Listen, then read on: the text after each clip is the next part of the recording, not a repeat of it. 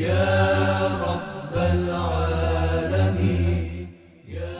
بسم الله الرحمن الرحیم. سلام علیکم و رحمت الله و برکاته. طاعت و عبادت های شما روزداران عزیز قبول درگاه حق. جزء سیزدهم از صحیفه 242 تا صحیفه 261 قرآن کریم است. در این جزء سوره یوسف از آیه 53 تا 111 و همه سوره رعد و همه سوره ابراهیم جا دارد.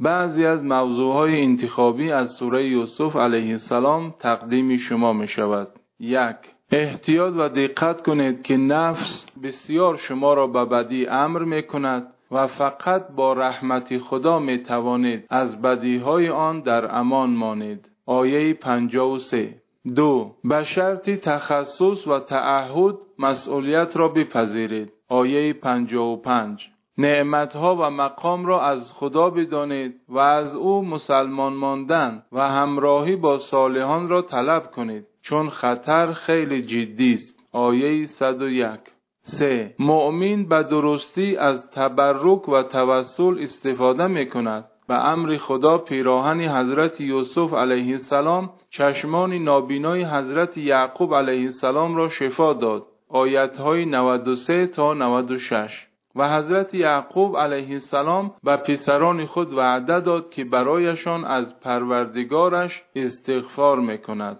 آیت های 97 و 98 چهار. رسول خدا صلی الله علیه و آله و سلم آگاهانه و خالصانه در راه خدا حرکت می‌کند. پس دقیق پیروی کنید تا به سعادت برسید. آیه 108 پنج. از سرگذشت یوسف علیه السلام و برادرانش عبرت بگیرید و در زندگی خود درست از آن استفاده کنید. آیه 111 امیدواریم خدای متعال در ماه مبارک رمضان ماه نزول قرآن و بهار این کتاب آسمانی به همه ما توفیق خواندن، فهمیدن و عمل کردن به قرآن کریم را عنایت نماید. و السلام علیکم و رحمت الله و برکاته.